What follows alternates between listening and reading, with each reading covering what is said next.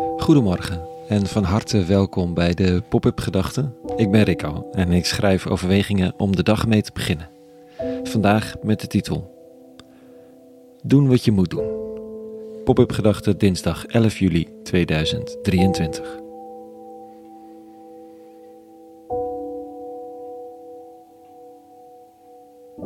Soms is het fijn als je gewoon een lijstje hebt met wat je moet doen. Dat je kunt afstrepen wat er moet en dan tevreden kunt terugkijken op de dag. Dat werkt tot op zekere hoogte. In de zeg maar eenvoudige dingen. Van de voorbereidingen voor een feestje tot de spullen voor de vakantie. Zodra het echt een relationeel wordt, of existentieel, wordt het een stuk ingewikkelder. Dan moet je de lijstjes voortdurend vernieuwen of het raam uitgooien. Relationeel, dus tussen mensen. Existentieel, als het gaat om wat er echt toe doet. En ook als het spiritueel wordt, als het gaat over de grote vragen van het leven. We leggen allemaal wel ergens lijstjes aan, stappenplannen. Zo van eerst je opleiding afmaken, liefst met wat goede cijfers.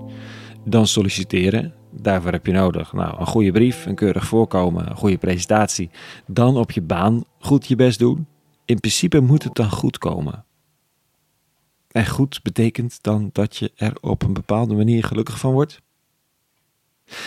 Maar ja, geluk is dus existentieel. En je zit zomaar na alles goed te hebben gedaan, diep ongelukkig naar je computerscherm te turen op 15 hoog in een bedrijfstoren. Of achter een kassa, of met je laptop in een hipstercafé. Zonder te begrijpen hoe je hier terecht gekomen bent, want je had toch alles goed gedaan. Soms snap je ook geen moer meer van je ouders, of van je partner, of van je kinderen, of van die ene vriend of vriendin. Want je wist een beetje wat je aan ze had. Belangrijk waren verjaardagen of cadeautjes, of bellen of langskomen of uitgaan. En opeens is het dan mis. Dan wordt laagd of gemopperd, of is het niet goed genoeg, of het gevoel is weg, terwijl je precies deed wat je altijd deed. Hoe kan dat nou? Vandaag een blik op die relationele of existentiële ingewikkeldheid vanuit een oude tekst van een profeet ver voor Christus. En hij zaagt van dik hout planken. Hij moppert namens God over hun manier van godsdienstigheid. Dit. Wat heb ik aan al uw offers, zegt God.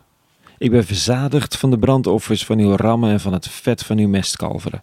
Ik heb geen behagen in het bloed van uw stieren, lammeren en bokken. Wie heeft u gevraagd om mijn voorhoven plat te lopen als u komt om voor mij te verschijnen? Breng mij toch niet langer nutteloze meeloffers. Uw wierook is mij een gruwel. Hou op met kwaad doen. Leer het goede te doen.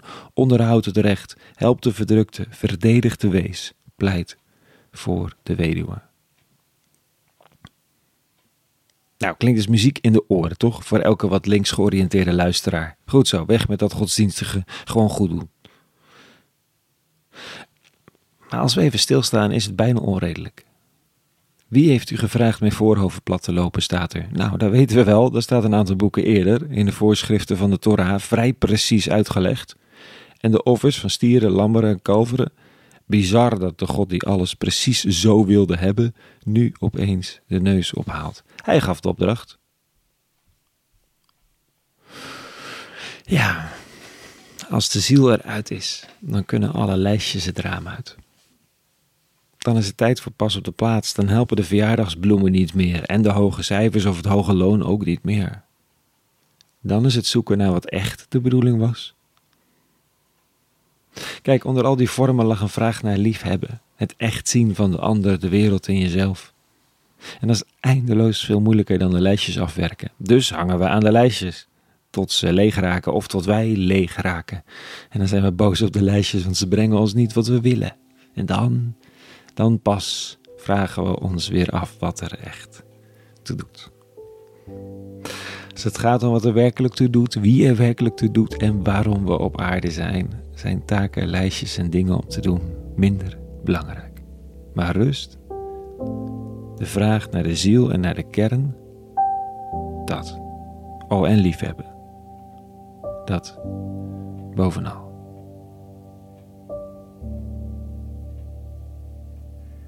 Tot zover vandaag. een hele goede dinsdag gewenst. En vrede. En alle goeds.